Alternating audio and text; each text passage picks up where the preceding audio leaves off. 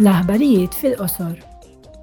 Għada filgħodu, waqt is-sessjoni plenarja, il-membri parlamentari Ewropej se jiddiskutu dak li riżulta mis-Summit tal-Unjoni Ewropea ta' Diċembru u ġrajiet kurrenti mal-President tal-Kunsill Charles Michel u l-President tal-Kummissjoni Ursula von der Leyen. Is-summit iffoka fuq l-aħħar żviluppi fil-gwerra tar-Russja kontra l-Ukrajna u dwar kif l-Unjoni Ewropea tista' tassisti lil Kiev. Għada wkoll, il-Membri Parlamentari Ewropej se jagħżlu Viċi President ġdid tal-Parlament wara t-tneħħija ta' Eva Kaili. F'Diċembru, il-Parlament iddeċieda li jittermina l-mandat tagħha. L-eks Viċi President hija suspettata li tinsab fiċ-ċentru ta' skandlu ta' korruzzjoni.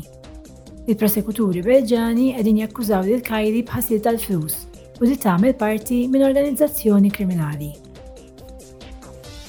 Fi Strasburgu, il-Membri Parlamentari Ewropej se jiddiskutu mal-Kunsill u l-Kummissjoni dwar rivelazzjonijiet li jikkonċernaw il-prattiki ta' lobbying tal-Uber fl-Unjoni Ewropea.